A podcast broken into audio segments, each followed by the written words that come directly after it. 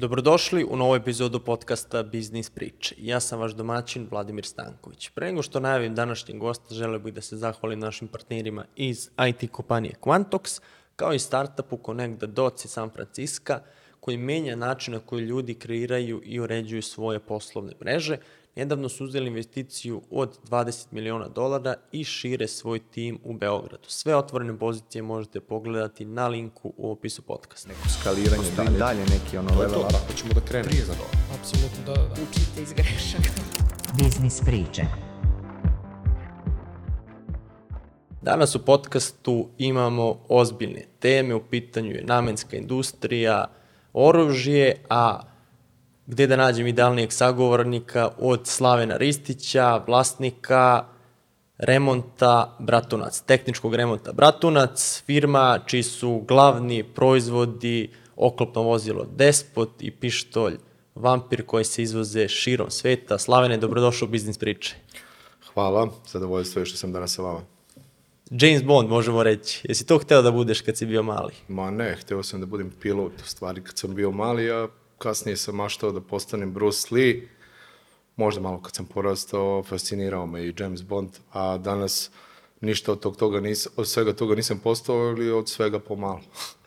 Ali ima, ima nekih elemenata i James Bonda, šta si radio, gde je tre, krenula tvoja karijera? Završio si fakultet u Nemačkoj, političke Da. nauke, je li tako? Pa da, ovaj, ja, ja sam u stvari otišao na Kipar, počeo sam da studiram na Kipru 93. godine. Uh, sa Kipra sam onda nastavio ovaj, studiranje u Njemačkoj na Heinrich Heine univerzitetu i ovaj, posle završetka fakulteta ovaj, jedva sam dočekao priliku da se ponovo vratim uh, u grad u kome sam odrastao u Bijeljinu. Uh, posle dve, tri godine, kasnije sam otišao u Beč, gdje sam i magistrirao, kako se na diplomatskoj akademiji i Dunavskom univerzitetu, međunarodne odnose, tako da je to bio nekakav početak moje karijere. Je ta, da kažem, nauka koju si izučavao, političke nauke, je li to bilo nekako pasivno za, za tebe? Ti si bio čovjek od akcije, trenirao karate, Pa da, ali nisam volio matematiku, da budem iskren, ovaj, pa sam onda gledao, postoji li ikakav fakultet gdje baš ne moram matematiku i fiziku da izučavam, a- i onako volio sam mnogo da filozofiram u mlađim danima sa svojim drugarima i društvom i fascinirao me u gimnaziji jedan profesor uh, Antonije, uh, u stvari Gavrilo Antonić, koji je bio profesor sociologije i onda ovaj, jednostavno sam imao neke duge razgovore na temu filozofije, države, naroda, zakonodavne vlasti i tako dalje i tako sam se i odlučio za političke nauke. I šta je bilo posle fakulteta prvo radno iskustvo? Pa, šta je bilo? Ovaj, ne, dosta ljudi me veže za nekakve misterije. Svi misle da, da, da se to meni sve tako u životu dešavalo, da je namješteno, da, ono, da, da, da postoje neke tajne sile, tajni ljudi koji su me kroz život sprovodili i vodili. Mislim, moj život nije baš toliko spektakularan bio u smislu, ovaj, ja i dok sam studirao radio sam kao konobar, radio sam čak i kao izbacivač, bavio sam se sportom i kao i svi mladi ljudi i studenti preživljavao. Ovaj, spektakularnog tu nije bilo mnogo. Kad sam se vratio, ovaj, pošto mi je ta želja bila uvijek eh, da sam sa svojim narodom, imao sam taj patriotski naboj u sebi od kako pamtim ono, da sam čovjek.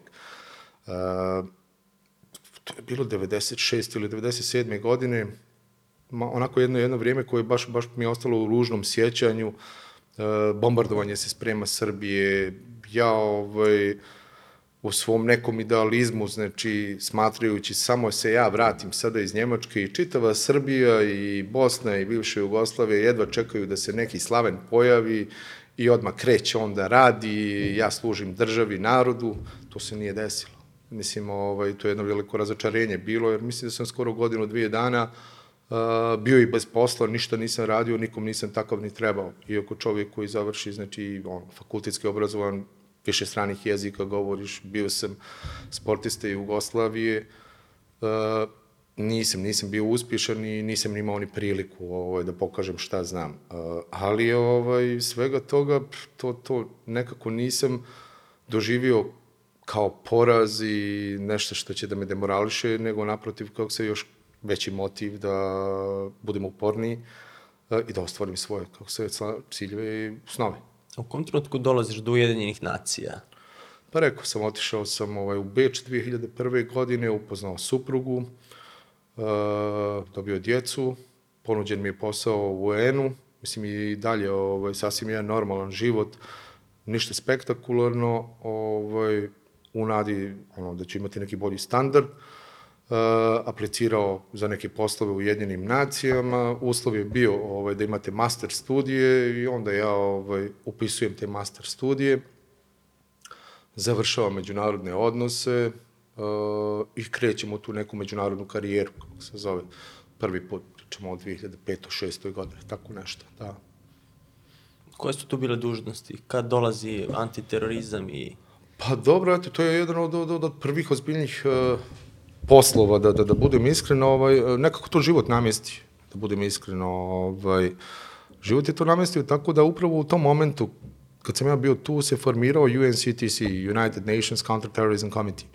Ovaj, to je bila organizacija koja nije bila de delegirana od strane svojih država, kako se ljudi koji su tu počinjali da rade, analitičari, operativci i tako dalje, su bili ljudi koji su aplicirali u sistemu UN-a, uh, i krovna organizacija je bila ujedinjena u, UN sa ciljem da se uh, Savet bezbjednosti bolje, adekvatnije, konkretnije izvještava i eto, ja sam bio među prvima koji su dobili posao tu uh, i tu sam počeo da gradim karijeru. Ovaj, napredovao sam dosta brzo, posle toga su došle, kako se misije Libija, Bengazi, Mali, Somalija, Erbil i tako dalje. Ovo, u jednom momentu oni ovaj, se sele za Ameriku. Uh, meni to tada nije bila opcija i onda ponovo, naravno, kako se posle takve jedne karijere, počinjete ponovo iz početka, onda postajete freelancer, uh, naučili ste nešto što sad uh, i nije baš, uh, da kažemo, ovaj, posao koji se traži na svakom ćošku. Ovaj, ali eto, ovaj, tada sam imao priliku da upoznam, ponuđeni su mi ponovo kao poslovi, kako se je savjetnik za borbu protiv terorizma, pa sam se vratio u Libiju, direktno odgovoran evropskim oružanim snagama, stvorio mrežu svojih ljudi i nastavio tu svoju neku karijeru u poslu ovaj, koji smatram da sam dobro obavljao. A do, do tada dok si radio tamo po tim žarištima, je ličilo to možda na život James Bonda ili iz filmova? Je pa, bilo tu nema, akcije? Uh, pa, dobro, znaš kako, ovaj, uh, filmovi su jedno, realnost je nešto sasvim drugo. Ovaj, Pa mogu slobodno da kažem ovaj, u suštini da, da, da, da sam i napredao brzo u karijeri, jer znate kako se ti stranci, austrijanci, amerikanci, njemci, oni, oni su više voljeli da budu u headquartersu, u centralama. Znate, ovaj, nisu baš voljeli da idu uh, po tim, kako se zove, znači ono field operations, kako se to tada zvo, uh, zvalo, izvinite sad na ovim engleskim izrazima. Uh, ja kao ono klasičan Srbin, ono, koji, koji voli adrenalin, koji, koji voli jednostavno tu akciju, ovaj, ja nisam imao ništa protiv, kako se zove, i prilično sam ono, bio ovaj, dobro kotiran u svim tim krugovima, a kad me pitaš sad da li to ži, liči na život, e, ne znam, nije James Bonda ili nekih agenata koji gledamo po svijetu, ono, filmova, Hollywooda, ovo, ono, Postoje dodine tačke, postoje naravno kako se zove ovaj, dosta stvari koji su slične, međutim uh, malo je toga ovaj, slično onome što mi gledamo u filmovima. Uglavnom se sve svodi na to ovaj, da vas da vas neki insekt ne ujede, da ne dobijete neko trovanje, da su pravi ljudi oko vas, e, da ste fokusirani kako se na posao kojim se bavite i da što prije se vratite kući. A koji je najopasniji teren na kom si bio u tom trenutku? Pa meni, meni lično recimo je misija u Maliju bila vrlo onako riskantna. Ovaj, a, ovaj, Šta se radilo tamo? Pa evo, tamo, tamo išli smo konkretno kako se zove ovaj, uh, Uh, znači nestale su rakete neke koje su bile uh, stacionirane u Libiji, pa, pa su postojali tragovi i sumnje da, da je to sve završilo tamo u Maliji. Kod tih organizacija sada ih ne, ali eto, mogu i da se nazovu islamska država, ISIL, Boko Haram i tako dalje. Ovaj, mi smo bili tu koji smo na terenu morali kako se jednostavno da, da, da uradimo kompletan uviđaj i da sve te tragove koji su, koji su vodili kako se upravo prava toj državi isprovjeravamo i da, analitič, da predamo kako se su dokumentaciju analitičarima koji su onda donijeli sud i izvijestili kako se ljude koji su se time dalje bavili. Ovaj, vrlo jedna riskantna država, kako se država koja je još uvijek u srednjem vijeku, rekao bih kako se zove, ovaj, sretao sam tamo, na primjer, ljude koji ne vjeruju da avion može da leti.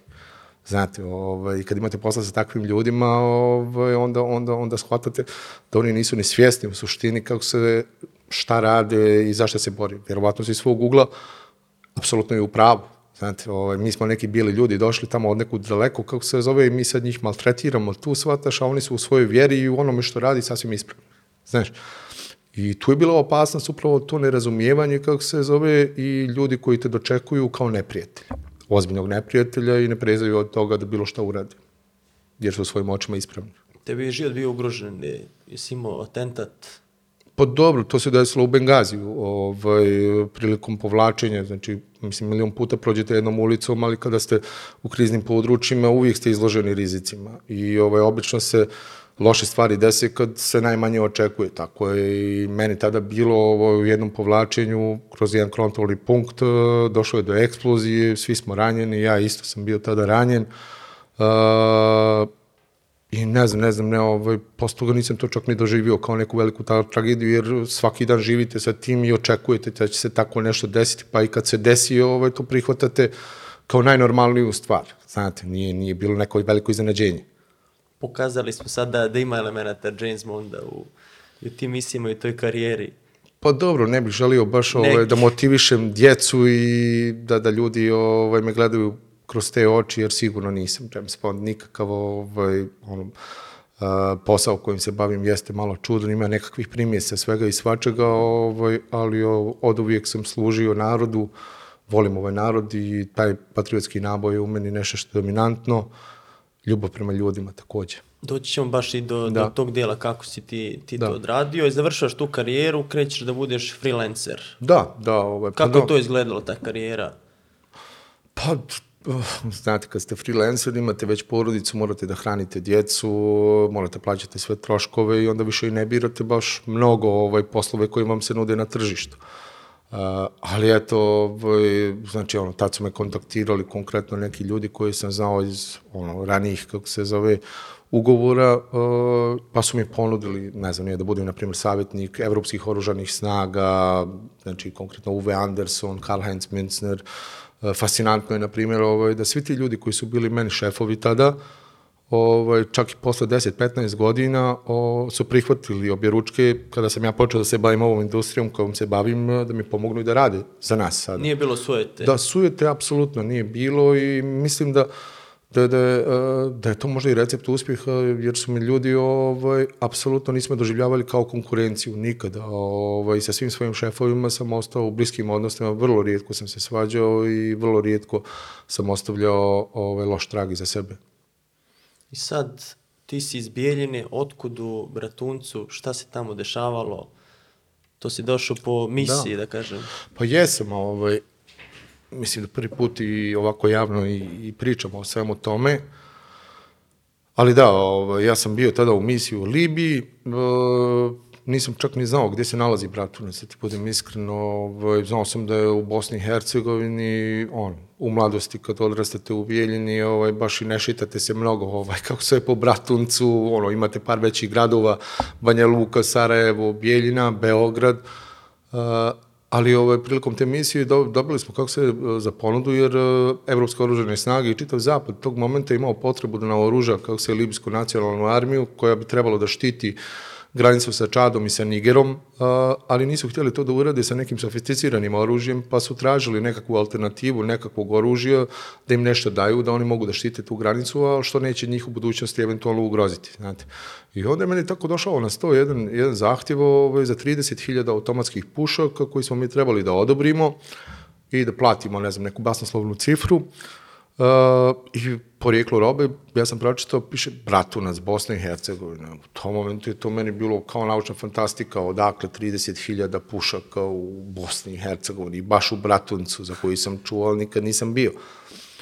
I vođen radoznalošću, tada sam jednostavno otišao, Uh, zajedno sa, sjećam se, uh, prijateljem, tada on je bio ovaj, uh, šef uh, Libijske nacionalne garde, da proverimo u kakvom stanju je to oružje, da li stvarno postoji to oružje, jer je meni ovaj, fantastično zvučalo i stvarno smo došli, našli tu fabriku, videli, susreli se sa svim tim ljudima i ovaj, na moje iznenađenje bilo je stvarno 30.000 automatskih pušaka koje su generalno remontovane i spremne za izvoz.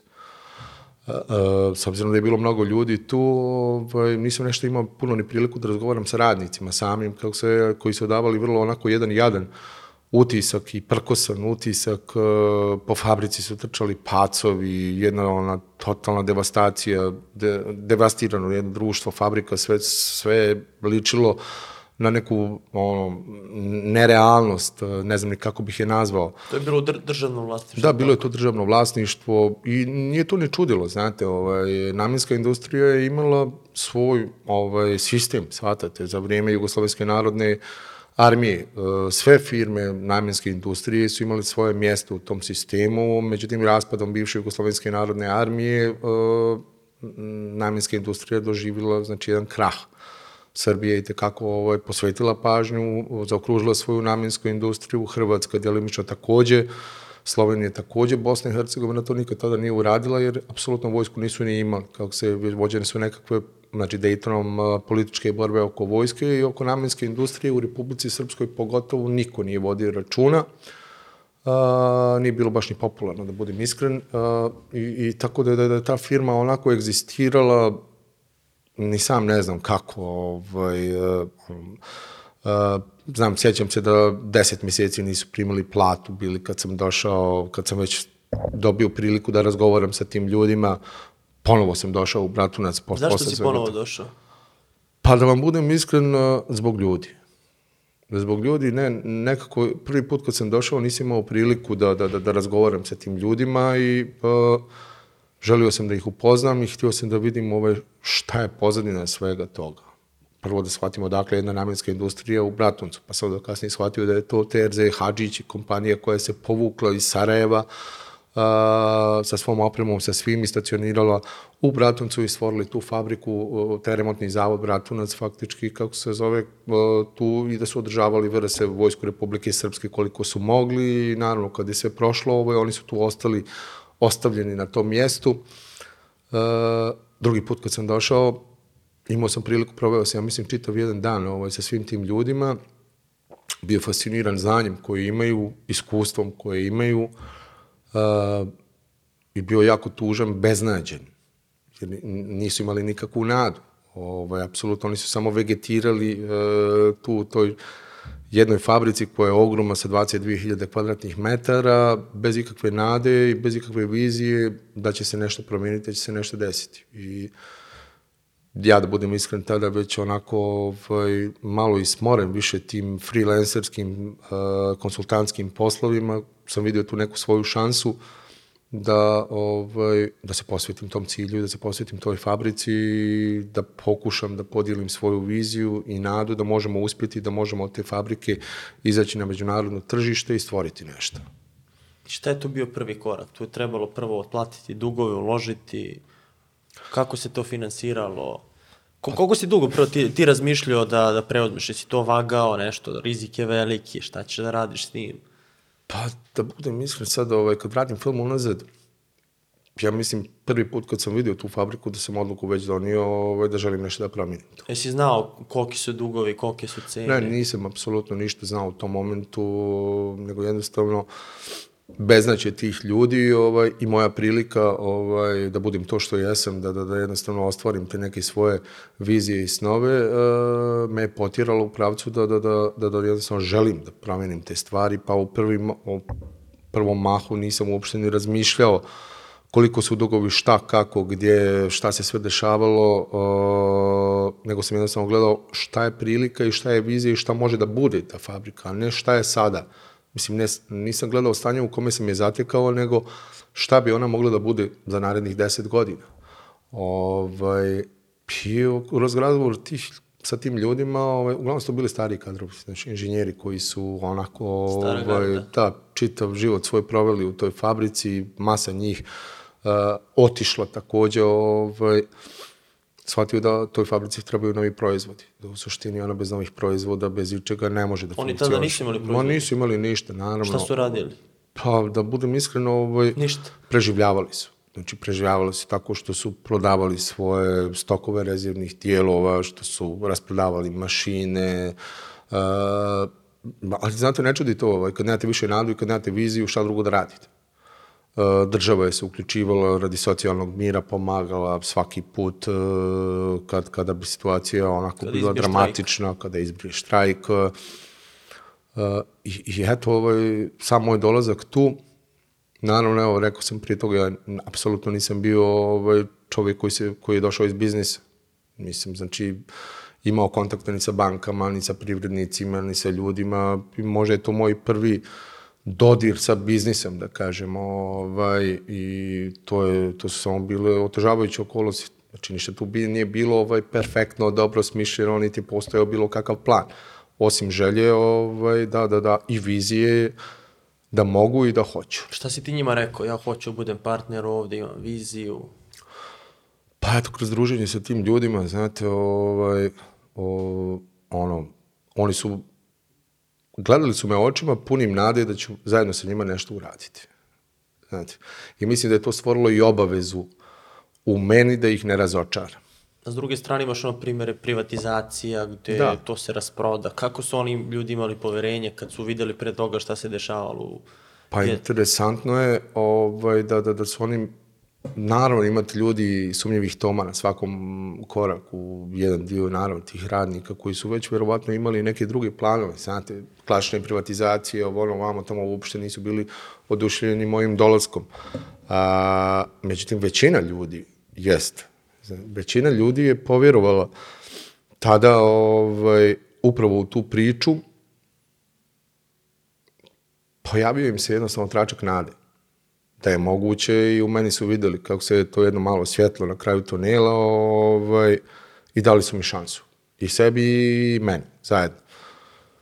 Onda smo zajedno ovaj, razgovarali šta, kako i gdje i naravno ja sad ovaj, kao čovjek koji, koji ne dolazi iz svijeta biznisa, kao čovjek koji, koji nema iza sebe, ne znam, nije sad Tajkun, eh, primjer, 10 da. miliona eura ili ne znam nije šta, ili bankare nekakve ili nekakve fondove koji će sada podrže čitavu tu priču, pa ćemo mi to za dva, tri mjeseca sve na ovaj ili na onaj način.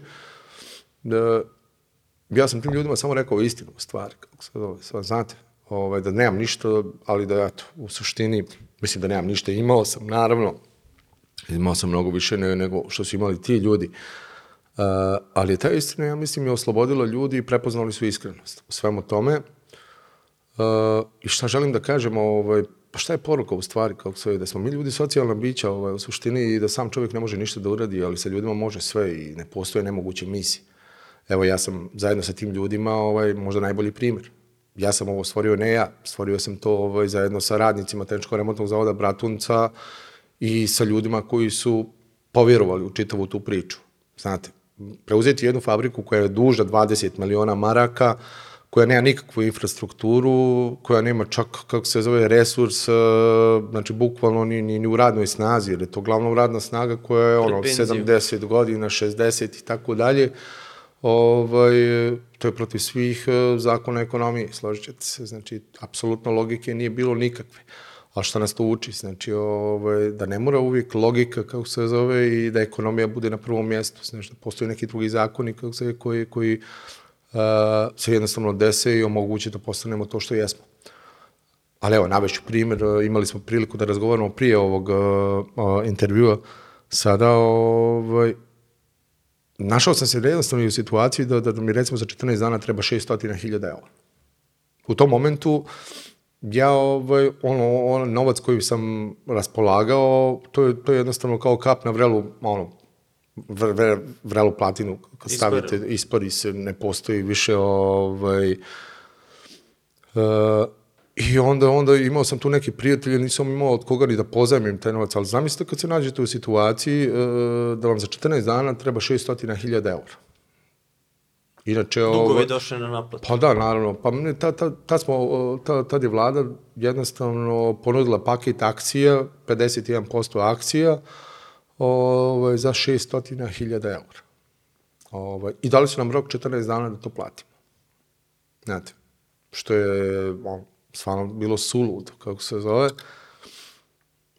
Ja sam odbio da, da, da jednostavno uh, odustanem od svega, i borio sam se svaki dan i evo moram danas i da ga ono, spomenim, da mu se zahvalim. Poznavao sam gospodina Rajka Milića, čovjek koji je onako vrlo ovaj, skroman, vozi Fiat Punto, sa kojim sam pre toga imao neke razgovore i razgovarali smo, ne znam, nija, o geopolitici, vrlo se interesovao za moj životni put, za ono što sam ja radio, ovaj, često puta bio i savjetnik, znate, i onda sjećam se da me on zvao ovaj, tada i razgovarali smo i ja sam rekao da imam neke probleme, da on rekao, Slavonija, kakvi su problemi u pitanju? Ja sam rekao, pa rekao, Rajko, ne možete vi meni tu da pomognete, ovaj, zato što meni fali 600.000 eura, ovaj, mislim, ono, uopšte nemajući ni nadu da sad taj Rajko može da mi pozajmi, više sam nešto računao, ću se dogovorim sa vladom na nekakav način kako se pod pritiskom i tih ljudi koji žele da to da rade i da opstranu i da stoje tu zajedno sa mnom i privređuju. Ovaj, međutim, to Rajko me taj zvao i vjerujte da mi je taj čovjek za dan vremena pozajmio prvi taj novac, e, znači bukvalno na obraz, e, ne, poznava, ne poznavajući me dovoljno, znači apsolutno, ovaj, i to je bila prekretnica u svemu tome. Znači mi smo otplatili to sve, preuzeli većinski paket akcija, počeli da mijenjamo upravu tehničkog remontnog zavoda Bratunac, e, ljudi su povjerovali u tu priču, taj entuzijazam koji smo nosili, ta neka dobra energija se širila, Jeste imali vi tu novca za funkcionisanje sad, da, da nešto radite? Vrlo teško. Zamislite Kako kako, se znači, plati. Pa, pa da, za- zato ponavljam, evo peti put, da, da nije bilo tih ljudi, da nisu vjerovali u mene, ne bi bilo moguće. Znate, mislim, namjenska industrija ne, ne posluje sa bankama. Banke ne vole namjensku industriju, nešto ih ne vole, nego im- imate taj compliance, kako se zove, nije moralno, znate, da, da, da banke, mi imamo zakone koji nam to govore, znači one ne podržavaju kako se zove namjensku industriju, apsolutno nikako, da biste bavili se namjenskom industrijom, morate imati državu iza sebe. I vaša država, kako se sa svojom bankom vama omogućava da vi radite i funkcionišete. Znaš, malo, malo je tu zapad ovaj, u suštini, nije malo, ovaj, mnogo licimiran. Oni dole imaju, na primjer, kako se ogromne firme namjenske industrije, Rheinmetall, uh, Martin, Lockheed, Boeing, nebitno je. Sve su to kompanije koje se bave namjenskom industrijom i onda sve komercijalne banke se utrkuju da im daju milijarde kredita, a istovremeno kada, kada mi ovdje na Balkanu pokušavamo nešto da, da, da radimo, da pravimo ovo, ono, vamo, tamo, to onda nije mo- moralno, kako se zove, znači, pa mi dan, danas imamo svaki dan probleme i borbu upravo oko, to, oko, oko novčanih tokova. Znate, pa nam se vraćaju računi ovo. Ali da se vratimo na temu ljudi i svega toga. Znate, svi nekako doživljavaju sindikat uh, kao, kao, kao nešto što je destruktivno u Noćna kompaniji. mora. Na noćna mora, uvijek su oni ti neki koji su galamđe, uvijek su oni ti neki koji su antiprotivni bilo čemu i svemu na kraju krajeva, jer doživljavaju svakog privatnika kao najljućeg neprijatelja. Ja nisam imao apsolutno, evo ja, ja ovo, evo, želim i da im se zahvalim na toj njihovoj podršci u tom momentu, znači apsolutno i sindikat tehničkog remontnog zavoda Bratpunac i velika većina svih ljudi je podržalo sve ovo što sam ja radio. Kada me sad pitaš kako, ja ne znam. Ja ne znam, apsolutno, ovaj, ono, i ne mogu da objasnim. Ali evo, bila je situacija da smo šest mjeseci apsolutno kupili kompaniju, postojali, sve ovaj, jednostavno reforme sprovodili, da nismo mogli da isplatimo jednu platu. Znate? I, ovaj, I čak počele su, naravno, posle šest mjeseci da se javljaju i sumnje određene. Bilo je... Da, prevara ovaj, pa prevara, kako pa nema, pa vidite ovo, ono, vamo, tamo, iz, iz mog ugla. Mi smo morali da dođemo do nekakvog proizvoda, morali smo da dođemo do neke šanse da bilo kakvog ugovora, samo da se pomjerimo korak naprijed. Znate? Ovaj, samo da obezbedimo bar par plata, kako se da možemo da funkcionišemo i ono, ta istrajnost i upornost uh, je na kraju i urodila plodom. Šta si ti rekao ljudima posle šest mjeseci? Da, pa evo, evo, sećam se te jedne situacije kad, kada su se oni posle šest mjeseci, ovaj, ono, neki koji nas nisu volili, oni su se baš onako i obradovali, ovi drugi, kako se zove, jednostavno nisu više imali ni strpljenja i ono, spremili su se za štrajk. I sjećam se da sam ja došao bukvalno iz Bijeljne i stao ispred svih tih ljudi i rekao im istinu Šta je od ta riječi, bila? Od riječi do riječi, ovaj, koliko smo platili, šta smo uradili, kako se, šta ja sada trenutno radim, gdje idem, kako se zove svata, šta očekujem. I naravno rekao sam im, ne mogu da vam obećam da ćete sljedeći mjesec imati platu, ali mogu da vam obećam da ću uraditi sve u svojoj moći da zajedno s vama ovaj, dođemo do cilja. koliko zavisi od mene, zavisi će i od vas. Ovaj, I nekako, pa eto da kažem, možda ta moja ubjeđivačka sposobnost uh, i nekakva energija koju su ti ljudi prepoznali u namjeri da, da, da, da, da ćemo to stvarno uraditi, ljudi su se vratili na svoje radna mjesta i eto kako to život već uh, i, i, i ono, poreda, već sljedeći mjesec znam da smo imali sastanak uh, sa konzolom Republike Namibije. Uh, Kako si došao do, do njega? Jesi išao redom ili... Pa, znaš kako, ovaj, kad si u, u jednoj takvoj situaciji ne biraš mnogo, znači ideš od vrata do vrata i kucaš na svaka vrata, neka se otvore, neka se zatvore, većina su zatvorena, znaš, i većinu, 99% slučajeva se sve završava na nekakvim obećanjima, znate, ali, ali istrajnost i upornost je ta ovaj, koja vas tjera dalje, znate. I ovaj, milion puta smo sjedili sa nekim eh, mnogo obećavajućim kontaktima od kojih se ništa nije desilo i jedna prilika je bila, sjedili smo sa, pa evo, on, mogu slobodno da ga spomenem, sa Vasilijem Boškovićem, kako se je konzulom bivše, a, po konzulom a, Republike Namibije, koji je obećao da će dodi da nas odvedi, da nas upozna sa ministrom odbrane i ovaj, jednostavno će nam dati priliku da mi predstavimo i prezentujemo naše sposobnosti, šta možemo i kako možemo. Uh, ali isto to tako se desilo još milion puta prije toga. Milion ljudi nas je isto vodilo ranije, znaš, uh, gdje smo mi predstavljali proizvode, radili, pa se ništa nije desilo. Eto. Prekretnice se desilo, mi smo otišli dole ovaj, sa gospodinom Boškovićem. U Namibiju. U Namibiju, da, daleko. I taj put sam po sebi vrlo rizičan i u toj nekoj besporici u kojoj se svi nalazimo, ovaj, naravno da samo donosi još više rizika. Ovaj, Vratili smo se posle tri dana sa ugovorom od par miliona eura.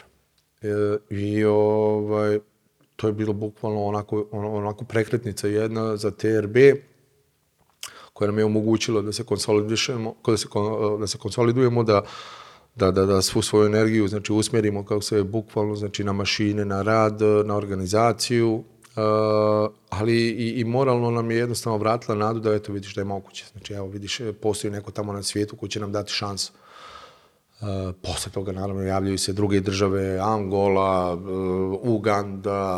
A za, za koje proizvode su se javili? Šta, je, šta, šta su oni Pa tražili? uglavnom u tom momentu, proizvode. pa nismo imali proizvode, ali, ali uglavnom smo tada ovaj, radili, bavili se remontima, radili smo za misiju Afrikon, jednostavno blondiranje bagera, klasičnih bagera ovaj, koje smo kupovali na tržištu i za te neke misije dole po Africi, konkretno evo Afrikom misija, smo ovaj, jednostavno isporučivali bagere, blindirane bagere. Pa i tu bilo milion poteškoća, nije uhodana radna snaga, nemate ovo, nemate ono, temperature zavarivanja, nemate adekvatne, ono, znači ni opremu, ni ništa. Uh, ali sve su to bili istovremeno procesi učenja, kako se zove, ovaj, gdje su nam jače, gdje su nam slabije strane, ovaj, i, i, i, i iz godine u godinu smo se razvijali i sada smo kompanija, da budem iskreno, ovaj, onako vrlo, vrlo respektabilna, prepoznatljiva u svijetu, kao što znate, učestvujemo na svim svjetskim sajmovima, od Abu Dhabija, Egipta, evo, nadali smo se u Rusiji ove godine, Pariza, a, sa proizvodima koji su onako vrlo prepoznatljivi također na tržištu i cijenjeni, despota, vampira. Kako ste došli do, do tih proizvoda? Ti si imao viziju da vam treba neki proizvod. Kako ste došli do tih prvih? Šta da pravimo? Pa ne možete vi da se, da se bavite namenskom industrijom i da se bavite remontom ako nemate svoju vojsku. Kome da remontujemo šta, ovaj, tehnologija i sve ono što smo mi imali eh, je bilo bazirano na 60. i 70. godinama. Uh, nije to bila neka sofisticirana kako se tehnologija ili dokumentacija za remonte, pa da mi možemo Leopard tenkove ili ne znam, nija uh, ruske tenkove da remontujemo, upgradeujemo, modernizujemo. Ovaj, nije nam to mnogo koristilo. Uh, mi, smo, mi smo jednostavno prvo tražili proizvod koji ćemo lako napraviti, koji će biti ovaj, na tržištu prepoznatljiv, koji će se dokazati, koji će nam eh, omogućiti, da kažemo, ovaj, jednostavno marketinški ulazak eh, na to svjetsko tržište i naše ime, eh, da, da, da, da jednostavno budemo primijećeni. Pa smo onda u sljedećem koraku, bo evo, spomenuo se nam je bio, tamo smo krenuli od mašina za proizvodnju municije, remonta tih mašina samih. Do tada nismo imali nikakav dodir sa tim mašinama, ali ja to govorim uz pomoć ljudi uz pomoć ljudi, dobronamernih ljudi, ljudi koji su takođe htjeli da, da, da, da zarade, znači ono, uz pomoć e, inženjera iz Srbije, Republike Srpske, Bratunca koji su uključili zajedno sa nama u te projekte, mi smo, mi smo čak osvojili tehnologiju uh, tih mašina koje smo zatekli dole, to je tehnologija u stvari ruska, nije bila naša. I ovaj, pošto je klijent bio vrlo zadovoljan, on se odlučio da, da jednostavno da šansu i prvi ugovor koji smo dobili jeste za ovaj, kompletnu jednu liniju nove generacije koju ćemo mi da proizvodimo u Tečkom remontnom zavodu Bratunac i instaliramo dole u Namibiju. Evo, taj ugovor smo uspješno, ono, privodimo ga kraju i nastavljamo i sa klijentom imamo fenomenalnu saradnju i to naravno se pročuje po, po Africi, po svijetu, po sajmovima, tako da sada ovaj, imamo baš do ono svaki dan skoro nekakav upit uh, ono, za sistem uh, fabrike za proizvodnju municije po sistemu ključ u ruke. Ovaj, ali eto, to su bili početci... To je prvi možda proizvod koji... To je, to je, to je da kažem, ovo, taj početak. Uh, onda, onda je došao pištolj, RS-9, uh, ja, u stvari želim i da ispričam po štetu i tu ima razno raznih priča. Uh, koje svaki dan čitamo po internetu, koje su inspirisane ovim ili onim, pa ne znam, ne, svaki dan se ovaj, iznenadim, neki ovdje govore da je despot u stvari napravljen na, na platformi Tama, da to uopšte nije naše, da su to Njemci razvili, napravili, da uh, je to nemoguće i tako dalje i tako dalje, pa ono, ja kad imam priliku pokušavam ljudima da objasnim šta je istina, sama ideja za despot se rodila u lovu.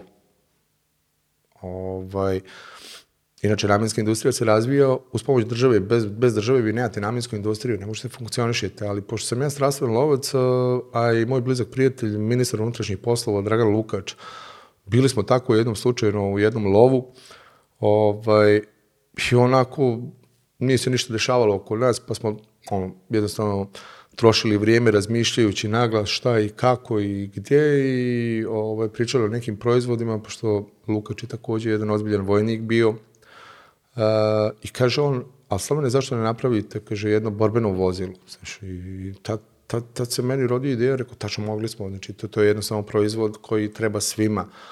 Ovaj, ali, ali je sam razvoj tog vozila, to jest ispitivanje tog vozila je vrlo skupo. Mi tog novca nismo imali i niko nas nije ni pratio. I tako je se rodila ta ideja o despotu. Uh, da zajedno sa MUP-om Republike Srpske, e, znači ono, razvijamo vozilo, mi smo bili konstruktori, mi smo ga pravili, dobijali kako se povratne informacije od specijalne jedinice i Ministarstvo unutrašnjih poslova Republike Srpske i bukvali smo za dvije godine došli do ovoga što smo danas, ono, što je prepoznatljivo i što ste imali prilike da vidite i na sajmovima i mogu, znači odgovorno tvrdim da je to 100% proizvod uh, Republike Srpske i TRB-a sa nezavisnim vješanjima, sa apsolutno MT-u motorom uh, i da prati sve svjetske trendove, znači kako se zove u tom segmentu MRAP kategorije vozila i evo, pronalazi svoje kupce širom svijeta svaki dan.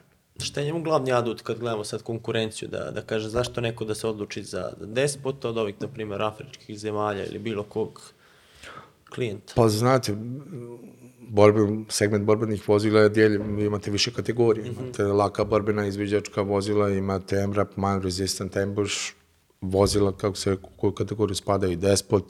Mi smo se jednostavno trudili, pa evo, i ja sam, pošto sam bio saučesnik, ovaj, u, znači, mnogo nekih, kako se, kriznih područja, pa vođen tim iskustvima i problematikom koju smo mi sami imali, ne znam, nije od Libije, pustinskih tih država, Sjeverne Afrike, Bliskog istoka, uh, jednostavno, pokušavali smo da implementiramo sve one ideje uh, koje, su, koje smo dobijali, kako se znači, bukvalno od, od korisnika, od vojnika koji su ginuli po tim ratištima, koji su bili ovaj, svaki dan u dodiru sa tim vozilima i sa svim tim. Uh, tako da, da smo mi integrisali to u, u despota, On je naravno, kako se je masom veći, mnogo je viši nego što su o, druga vozila u njegovoj kategoriji, ali znate, 60. i 70. godina je bilo bitno da imate neko kako se vozilo koje je maleno, koje ima nisku siluetu, koji će voziti 10 uh, vojnikova i koje ovo, u suštini eto, će biti malo manja meta,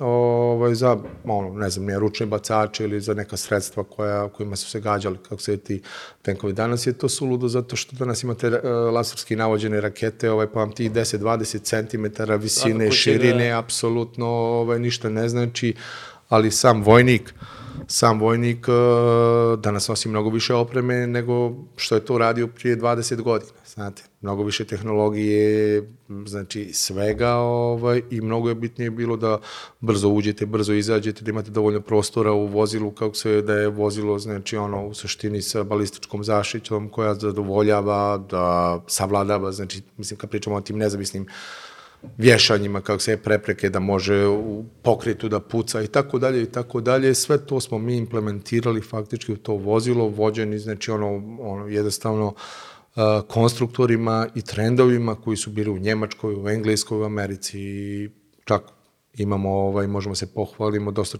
časopisa iz Njemačke koji su eto, baš upoređivali naše vozilo i njihovo vozilo Dingo 2, gdje su ovaj, oni kao, kao stručnjaci tvrdili da ovaj, Despot ima mnogo prednosti čak u odnosu i na njihovo Dingo 2 vozilo koje je u razvoju samo koštalo recimo 100 miliona eura, mi nikad te milione nismo ni videli, pa smo eto ipak uspjeli kako se stvorimo jedno vozilo.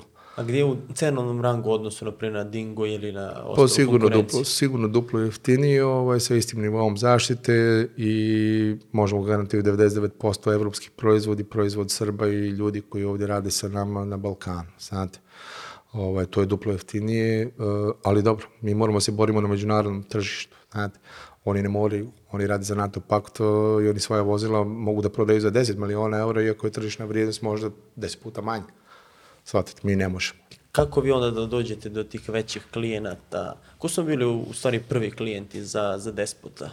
Pa prvo, pa rekao sam, prvo je to Republika bio MUP Srpska. Republike Srpske koji je zajedno sa nama i razvijao to vozilo, ovaj, bez MUP-a ne, ne bi bilo ni despota. Ovaj, a, I oni su naravno, kako se, bio neki početni plan da MUP Republike Sk- Srpske kupi 30 despota, međutim, znate, pošto je ono, okruženje u kome živimo je vrlo fragilno, ovaj, e,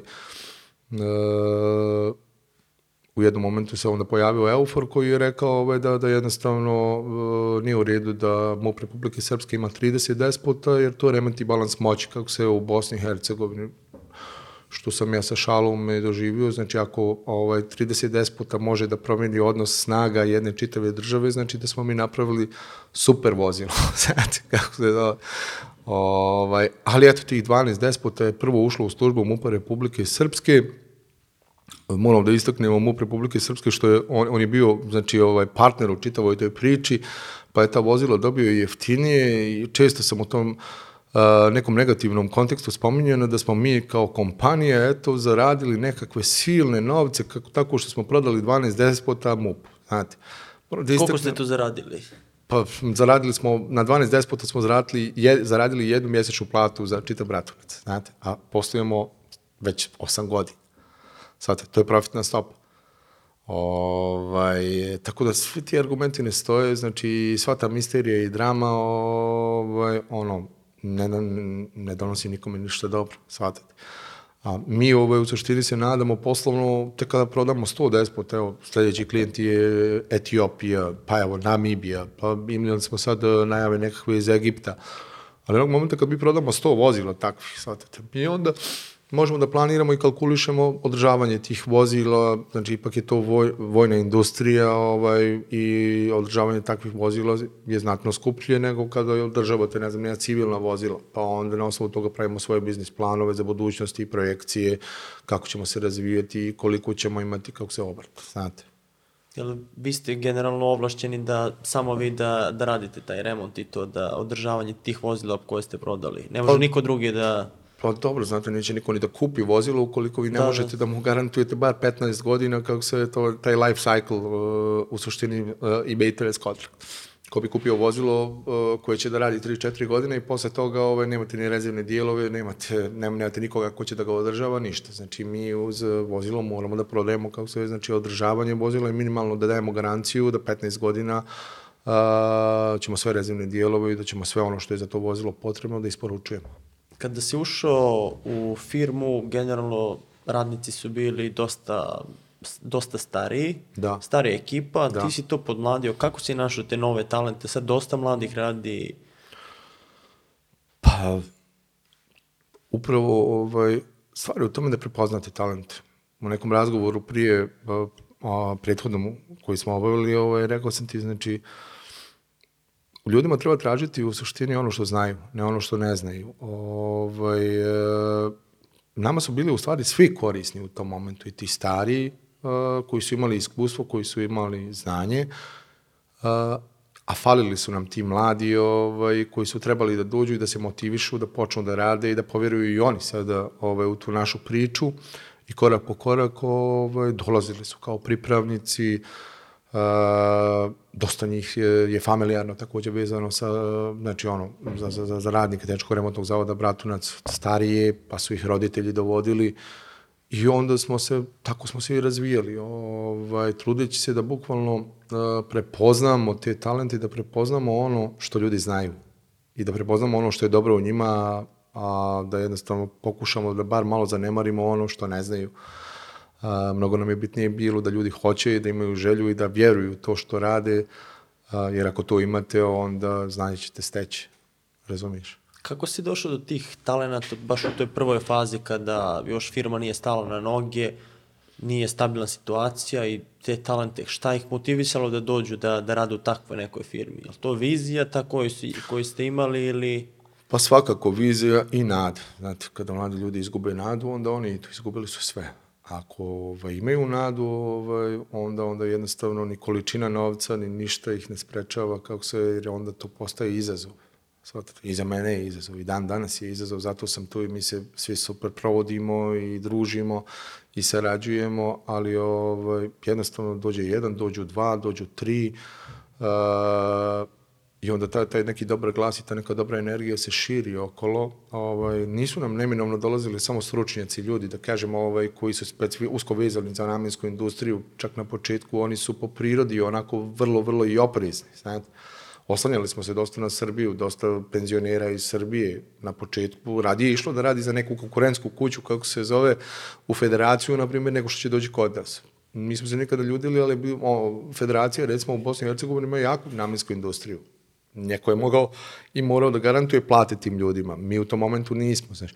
Ali, ovaj, ali su korak po korak ti mladi ljudi dolazili, učili, kako se zove, znači, ono, prihvatali taj izazov zajedno sa mnom, Pa evo, evo da spomenem ovdje čito marketing, marketing koji je jednostavno ovaj, jedan vrlo bitan segment u našoj, segment u našoj kompaniji. Ovaj, nije dovoljno samo nešto napraviti, potrebno ga je, kako se zove, znači upakovati, prodati, prezentovati uh, i pokazati, shvatate. Pa, pa, pa, pa smo imali ljude najrazličitijih, da kažemo, ovaj, ono, struka.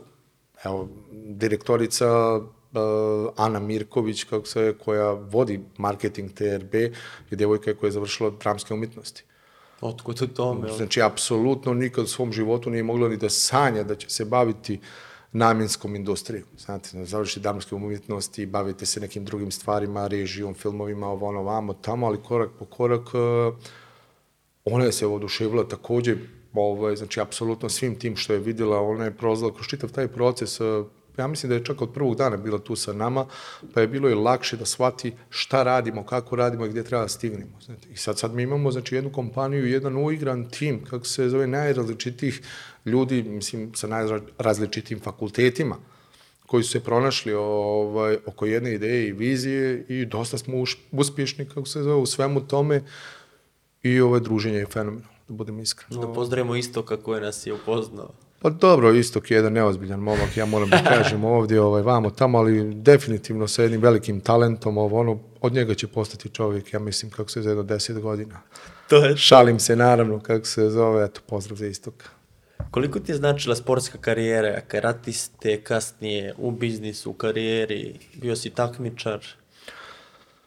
Pa te lekcije, znači u mladosti koje, koje doživite, sport, mislim, pogotovo borilački sport, samurajski sport uh, koji vas uči respektu, poštovanju protivnika, koji vas uči da je svaki poraz u stvari samo jedna lekcija na putu kako se zove do pobjede.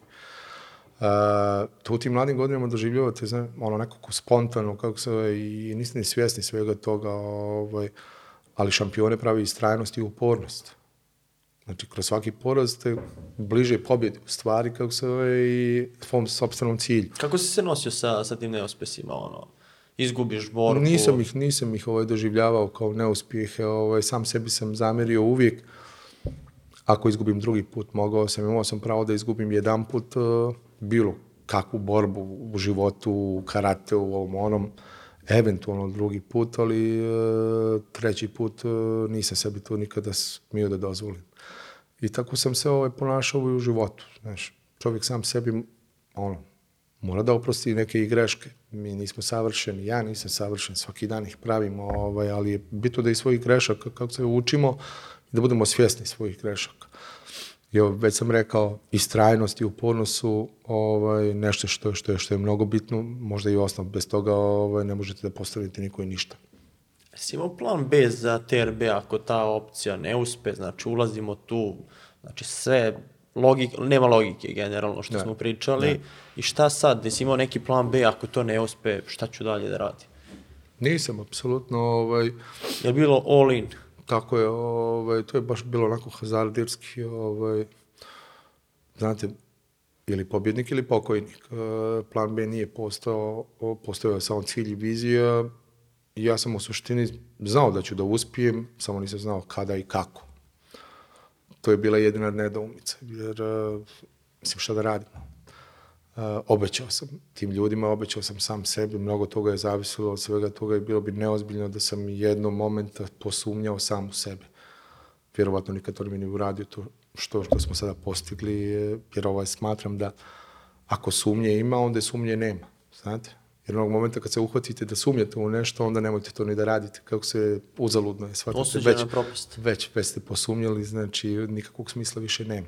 To su i neke moje prve lekcije, lekcije da budem iskren kako se u svom ranijem poslu, when there is doubt, then there is no doubt, kažu englezi dole. Ovaj, trudio sam se, kažem vam, da, da naučimo svih ljudi ovaj, i upio sam sve što, su, što sam smatrao da su pametno rekli, ali, ali evo, Bratunac jeste bila jedna hazarderska priča uh,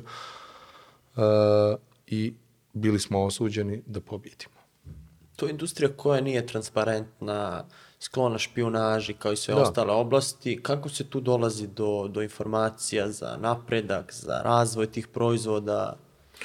Pa mi, mi smo transparentni u mjeri u kojoj možemo da budemo transparentni. Ovaj, naravno, kad- kada pričate, o vojnoj industriji, ovaj, pričamo i o tajnama, jer ne vole komšije da znaju šta se to baš kod njih radi i zašto se to i za koga se to radi. Na kraju krajeva mi proizvodimo oružje koje služi odbrani. Kao i ako ovi drugi znaju ovaj, znači šta komšija ima, ovaj, onda je tvoja borbena gotovost umanjena. Kako se zove.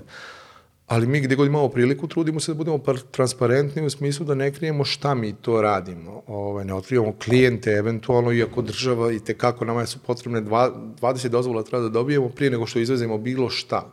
Šaraf jedan koji je za namjensku industriju. Ovaj, teško je se nositi. U suštini, da budem mislim, mislim da je ovaj, moj najveći posao u ovom momentu ovaj, ne da proizvodimo, da ovo, da ono, da imam ideje, da to već sad u među vremenu rade direktori, zna, znate, ovaj, konstruktori, Ana, što se spomenemo, Istok, uh, Mile Pejčić, uh, business development direktor, ali moj najveći posao i moj najveći izazov je upravo u tome da izbalansiram uh, geopolitički uh, lupam Ruse, ne lupam u stvari, mislim Ruse, Amerikance, Njemce, Izraelce, Kineze, da nam dozvole da radi. Svako od njih eh, na jedan telefonski poziv može da zatvori našu kompaniju. Jer smo mi ovaj, vrlo fragilni, znači mi smo s one strane Drine, kako se, gdje je politička situacija totalno nestabilna, eh, gledamo ovamo u državu Srbiju koja nam ono pomaže, ali ovaj ne uvijek i ne na najadekvatnije načine, ali nadamo se da ćemo u budućnosti poboljšati tu saradnju, jer mi dosta zavisimo od Srbije uh, u Republici Srpskoj. Bosna i Hercegovina, kao što znate, i nema neku vojsku, niti ima neku potrebu, tako da, da, da, da, da ovaj, Srbija se često puta ponaša kako se zaštitnički, znači na svjetskim tržištima, prepoznali su to što radimo, jo, ovaj, mislim da će i meni li, lično biti mnogo lakše da balansiram sve te svjetske sile i tu, tu da, da budem iskren, tu, tu vojnu industriju, kako se na način kada ipak neka država stoji iza nas. Sada iza nas stojim samo ja. A koliko bi bilo lakše da si ti preuzeo sad u Srbiji neku namensku? Pa bilo bi mnogo lakše, ali, ali nije se to desilo. Ovaj, jednostavno, suludo je se o tome razmišljati šta bi bilo kad bi bilo, desilo se što se desilo. Uh, eto, rekao sam već, mnogo ljudi radi, mnogo ljudi živi od tehničko remontnog zavoda Bratunac, ponosni smo na sve te proizvode, prisutni smo tu u Srbiji uh, i ono, u suštini ne znamo što nosi dan, što nosi nos, možda i hoćemo da, da, da, da, da, da preuzmemo neku u budućnosti ili da napravimo neku novu kompaniju koja će se baviti nečim. Na kraju krajeva svi naši kooperanti su mahom iz Srbije. Pištolj vampir, Da. šta je to, osim što znamo da, da je pištolj, u kojoj fazi do, dolazi, imali ste pre toga drugu verziju pištolja Da, i da. sad je ono neki flagship, pištolj vampir. Pa ja moram prvo da kažem, ovaj, znači, mi smo, mi smo RS9 pištolj, kako se vampir, proizveli upravo iz marketinških razloga, jer znate, kad se, kad se pojavite vi negdje na sajmu, niste vi svima interesantni. Kad vi počnete da pričate ono, o nekim mašinama za proizvodnju municije, o nekim mašinama za deminiranje, ba, mi muškarci, kao djeca se igramo oružjem na početku kad smo mali drvenim, kad porastemo ovaj, pravim oružjem ovaj, i to se ne menja kod većine muškaraca i onda je ideja bila ovaj, da, da jednostavno napravimo pištolj, pošto, znaš, ovaj, kad pričaš o mašini za deminiranje, vamo tamo nisi interesantan, ali kad pokažeš pištolj tamo na sajmu, kao evo vidi pištolj, onda svi muškarci trče kao jebote, vidi napravili su ljudi pištolj, kao, Da, znaš, da, pa da. ga gledaju i onda na taj način pobudiš interes kod tih ljudi, ovaj, onda ga zainteresuje sama ta priča šta još vi pravite, znate. E, tako je se rodila ideja za pištolj. Ovaj, na početku uopšte nije bilo ni planirano da pravimo nekakve velike serije. Ovaj, s obzirom da je koncept bio, shvataš, marketinški da proizvodimo dobar, lijep pištolj, e, funkcionalan i tako dalje. Uh, međutim, onda ponovo su se uključili tu klijenti, dopao se taj naš pištolj mnogim ljudima, uh, dvije godine, tri godine smo uložili kako se u razvoj tog pištolja, to je bila prva generacija i naravno bilo je potrebno vrijeme da ovaj, jednostavno sazrije čitava ta priča, da svi ti inženjeri, oružari ovaj, otklone sve te kvarove, poteškoće koje smo neminovno imali. Izvinjavam se. Ovaj, I uspjeli smo, evo, sad smo došli u fazu da imamo drugu generaciju pištolja RS9 Vampira, na koga smo vrlo ponosni. Koga krstio, ko je dao taj naziv, vampir? Pa dobro, dosta ljudi će reći da je to Republika Srpska 9. januar RS9, uh, uh, međutim, Ali vampir baš. Uh, To ono jedina ali, srpska ali, reč ali u suštini nije Republika Srpska 9. januar, Ristić Slaven 9 mm je u pitanju, ali ako predsjednik Dodik ovaj, da neki kredit tamo, kako se zove, iz IRB-a, ja vjerujem da ovaj, Može ćemo da staviti grb, kako se, bez ikakvih problema, vjerujem i da hoće. Ovaj, vampir, da, vampir je nastao tako da e, što, što je američko tržište u suštini tražilo od nas e, taj pištolj i oni su tražili to neko teatralno ime. Znate, njima je mnogo bitno neki zmaj, neki đavo, nešto, bilo šta, da, da, da, da, ovaj, da ima u svom nazivu. Uh, pa da li smijem uopšte reći kako se, pa ja sam prvo ovaj predložio da se zove Crna ruka, e, što se njima nije dopalo. Ne znam zašto. Ovaj, a onda su oni rekli ili može, ne znam, nije Eagle ili ovo ili ono, to se onda meni nije bilo, dopalo. I onda smo tražili vampir kao vampir, pa ima, ima tu nekakvih asocijacija, krv, zubi i najstarija srpska riječ iz Vinče, koliko znam još potiče, kako se zove, ovaj, i onda tako smo ga krstili i tako je postao vampir, a još ga nikad nismo izvezli na američko tržište. Ali se tu orijentišete sad, da tu se otvara prostor i za manje kupce, to jest nisu samo države vojske, već i privatna lica u Americi. Da, da, da, da. Pa dobro, ali još uvijek ne izvozimo, ovaj, obećali smo taj pištolj na civilnom tržištu, ćemo ponudimo i u Srbiji, ovaj, i mislim, ovaj, već imate tu streljanu Dragon Shooting, eh, gdje imate naše pištolje, gdje možete svaki dan da zakažete termin i da ih probate, ovaj, a mi ovaj, planiramo bar jednu hiljadu pištolja sljedeće, u stvari ove godine, da, da ponudimo i tržištu, civilnom tržištu Srbije. Iako i dalje ovaj, naša tržište su Afrika, Bliski istok, mada evo, sada moramo da se pohvalimo, dobili smo zahtjeve iz Austrije, iz Švajcarske za izvoz i tako dalje. ovaj, Pištolja ili- Pištolja, da, da, da. što nas onako baš raduje. Mislim, to, to je potvrda da radimo neku pravu stvar i da proizvod ovaj, o tako, konkurenc, o tako velikoj konkurenciji ipak pronalazi svoje kupce, to služi nama na, na čast. Ti iz Bijeljine otišao u Bratona za koji nisi znao gde je, tamo Da. razradio fabriku i šta ti kažu ljudi iz Bijeljine, što ti ovde nešto ne uradiš za ovaj narod? Pa jest, a? tačno, tačno, tačno. Ovaj, pa evo i kroz Bratunac i kroz sve to što smo radili, ja sam se trudio da uvijek budem socijalno odgovoran i trudio sam se čak i sve privrednike koje poznajem ovaj, da kritikujem, a, da nisu dovoljno socijalno odgovor, socijalno odgovor. Kad je sport, kad je kultura, kad je ono humanost, a, ono, u pitanju, ovaj, mislim da je nedovoljno. Mislim, mislim da tu svijest moramo tek da izgradimo. Ovaj, I učestvovao sam i uvijek sam bio taj koji je bio najveći kritičar, da budem iskren, svojih kolega privrednika.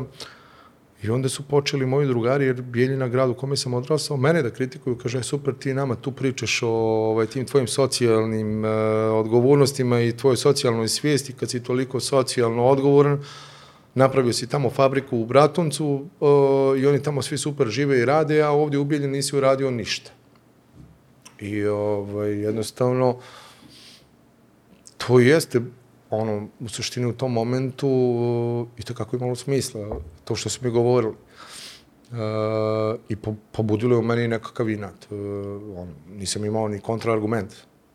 Ovaj, I mi smo tu u Bijeljini imali nekakvog giganta, kako se kompanija Elvako koja je proizvodila elektrode, koja je bila prilično onako uticajna i jaka i velika i vamo i tamo na prije jedno 20 godina je propala i svi pokušaji obnavljanja i ponovo kako se pokretanja proizvodnje u toj fabrici nisu urodili plodom.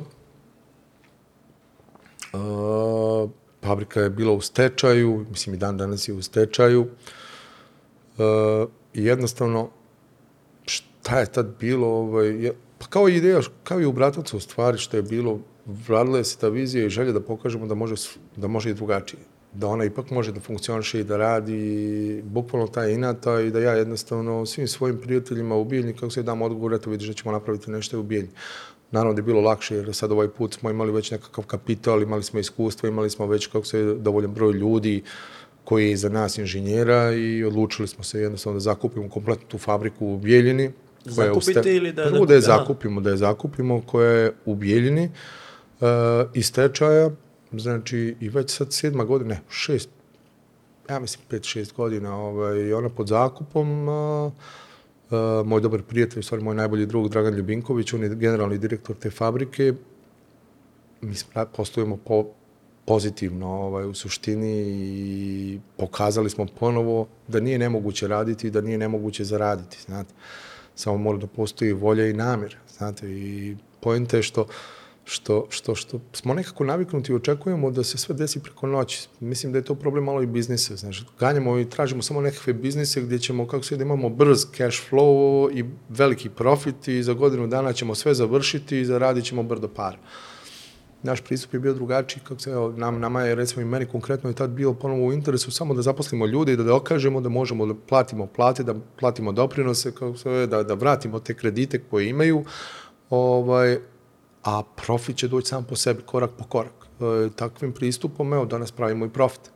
Zarađujemo fino, solidno, zapošljavamo preko 100-150 ljudi u Bijeljini. Ovaj, ja sam i sam sebe ponovo pobjedio i dokazao da ne postoji nemoguća misija. Šta oni sad kažu kada da hoćeš da kupiš tu fabriku ili da vode pod stečaj, kažu pa što bi se to radilo kad vidimo da može da radi. Pa dobro, tu jeste negdje, negdje neka namjera. Kako se najlakše je nešto znači uništiti, znate. Prodati, rasprodati, srušiti, napraviti nekakve zgrade, ovaj, kako se matematika, onda vrlo jednostavno. A, nije lako kako se stvoriti dodatnu vrijednost u smislu kako se proizvesti, jer ako ćemo ovaj, jednostavno praviti te kvadrate stanova i rasprodavati državne fabrike, pa kako ćemo zarađivati? Ko će to sve plaćati? Mislim, logika je vrlo jednostavna. Ovaj, I sada, ovaj, upravo tim našim primjerom, nije lako više, utičemo i politički malo na svijest ljudi. Ovaj, nije sad lako ni ljudima koji planiraju da privatizuju sve to kako se da unište i da sruše, da to sprovedu u dijelo, a, jer je unutrašnji pritisak od ljudi, znači, ljudi su postali svjesno da, da, da, da stvari mogu drugačije da se rade. Znate, pa se sad malo više razmišlja o tome šta ćemo u budućnosti i kako ćemo, za razliku od prije par godina. Ali to je glavni obrazac. Generalno, kad gledamo i u Srbiji privatizacije, ja nisam vidio neku privatizaciju da je uspešna, da je nešto napravila, već ajmo po stečaj, rasprodaj to imovinu i to je to. To, to je kraj priče. To je biznis model. Uh, pa znate, Raspusti radnike, Da, ali ne čudi to. Ovaj, ne, mi zaboravljamo da je period u kome živimo vrlo tešak, da smo 99. godine izašli iz rata, da smo 90. godina bili u ratu, da se nalazimo znači, svakodnevno kako se nekakvim političkim izazovima i da smo na rubu te Evrope koja onako baš neki mećinski odnos ima prema Srbiji, da nam parčaju državu, da nam uzimaju Kosovo, da, znači, apsolutno gde, mogu, gde god mogu i privredno i ekonomski i politički, da nam ovaj, zagorčaju život, to se dešava. Nije u jedno idealno društvo i koje, koje, ne znam, nije prihvaćeno od čitavog svijeta politički, pa mu je dozvoljeno da se razvije. Mislim, pravo je čudo uh, da postojimo ovaj, kroz šta smo sve prošli. Ali ovaj, posle svake krize postoji ta prvobitna akumulacija kapitala, znate, ovaj, na ovaj, na onaj način, sjećate se cigara, kriminala, grupa, pa onda privatizacija, svega toga, mislim da to vrijeme prolazi, ovaj, da su to providne priče, da, da, da, da jednostavno ovaj, sve manje i manje privrednika se i usuđuje sada da, da, da nešto uzme, privatizuje, sruši, rasturi i uzme novac i nestane, kako se zove. Ovaj, slučajeva ima svaki dan, naravno, kako se zove, ali, ali evo ja želim da gledam ove, u neku svjetliju budućnost, kako se zove, i da se ne bavim tim što je loše u ovom društvu i ovoj državi, već da se bavim nečim što je dobro i što može da bude. Poznat si po podržavanju mladih talenata, ulaganju u sport. Kako su ti tu planovi? Šta si do sada uradio na tom polju? Šta ste uradili? Mene to jednostavno ispunjava. Ovaj, zadovoljan sam, srećan sam čovjek, pa postoji i kažu ovaj, jedina prava ljubav jeste davanje, je li tako? Ovaj, sve ostalo je fiziološka potreba. Uh, osjećam se dobro kad dajem i mislim da, da, da nekako ovaj, da bi, da bi trebali više da posvetimo pažnje talentima, sportistima, matematičarima. Znači, mi kao narod smo vrlo talentovani u smislu imamo, imamo vrlo jake pojedince i talente uh, koje često puta ne prepoznamo jer ne dobiju ni šansu uopšte da, da, da, da postanu neko i nešto. Ovo, tako da, da, da mi je stvarno želja i cilj, iako smo to i dan danas, e, do dan danas radili svaki put, e, svaku ideju, svaku konstruktivnu misao, svakog sportistu, pa ne samo ni sportistu, e, kad je kultura u pitanju, svaki talent koji smo prepoznali mi smo podržali ovo nije deklarativno, ovo je, ovo je činjenično, stvarno, ovaj, iako kao kompanija nemamo nikakav benefit od toga, znate, nama Republika Srpska i Srbija nisu tržište, mi prodajemo ništa ovdje, pa da kažemo, evo sad kroz dobar marketing vratit ćemo nekakav porez, pa ćemo mi to da opravdamo što smo dali njima, svi naši prihodi, 99% naših prihoda dolazi iz inostranstva, znate, ali, ali, ali vjerujemo to da mi kao ljudi kreiramo sobstvenu realnost u sredini u kojoj živimo, da je sve do nas samih, znate. Ovaj, I volio bi i planiram zajedno ovaj, sa svojim prijateljima i ljudima da u budućnosti čak osnovimo nekakvu fondaciju koja će prepoznavati te talente, koja će omogućavati djeci, recimo sutra studentima da idu na Harvard, Stanford, Lomonosov, da završavaju te, te, te uh, visoke, visoke škole ovaj, i da na taj način sutra ponovno ovom narodu i nama svima pomognu ili neke nove Đokoviće, neke nove futbalere, neke nove violiniste i tako dalje. E, malo, malo smo to čini mi se zapostavili. Mislim da je odgovornost i države i nas, privrednika, ovaj, e, tražena da, da, da, da, da posvetimo više pažnje tome. To bi bio dobar primer da i drugi privrednici vide šta može tu da se odradi, a ne samo šta može za njih neka korist da, da se izvuče, da. već da daš bez nekog očekivanja da ćeš ti direktno dobiti nešto. Tako je, ovaj, mislim, bitno je ovaj, da primjerom pokazujemo ovaj, ne deklarativno kako se zove, nego da je da jednostavno ovaj, primjerom pokažemo ovaj, da smo mi takvi, pa ćemo onda animirati i druge privrednike i druge ljude da se uključi. Mi generalno imamo neko loše mišljenje o sebi, rekao bi kao narod i kao ljudi, ovaj, sami sebi smo nekako najgori stalno, ali evo, evo ja želim da kažem i da navedem jedan primjer kada se desila korona sjećaš se one situacije, one slike Italija, umiru ljudi, frka na sve strane. Mi smo zastavili svoju proizvodnju kao i sve fabrike, jer jednostavno nismo znali šta, šta nam to dolazi, šta će da se desi.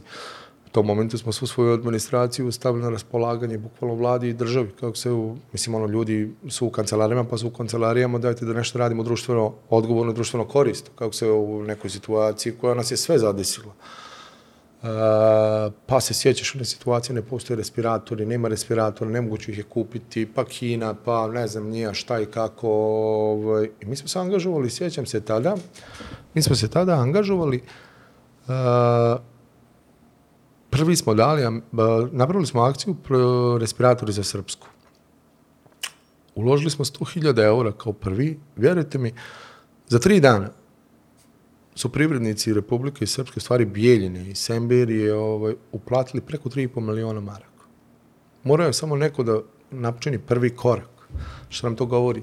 Pa da ima dobroga u nama. Kako se, da mi možemo da povjerujemo sami sebi i svojim ljudima, kako se zove kada nas neka muka natjera ovaj, i da ne zaslužujemo te epitete da smo loši i da smo uvijek uh, najgori i tako dalje. I to je to i moj motiv ovaj, kada sam bio svjedak svega toga što se desilo, kada vi znači bukvalno za tri dana skupite 3,5-4 miliona maraka, nečega, bilo čega, ovaj, takva akcija se ne desi apsolutno na čitavom Balkanu.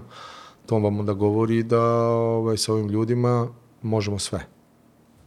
Šta bi poručio mladima koji hoće da uđu u biznis na ovim prostorima, ovim uslovima danas? Koji savjet bi njima dao? Istrajnost, upornost, vjera u samog sebe i u ljude oko sebe. To su pravi izbori, a moja, moja poruka jeste ovaj, živite vaše snove, ne sanjajte vaše živote.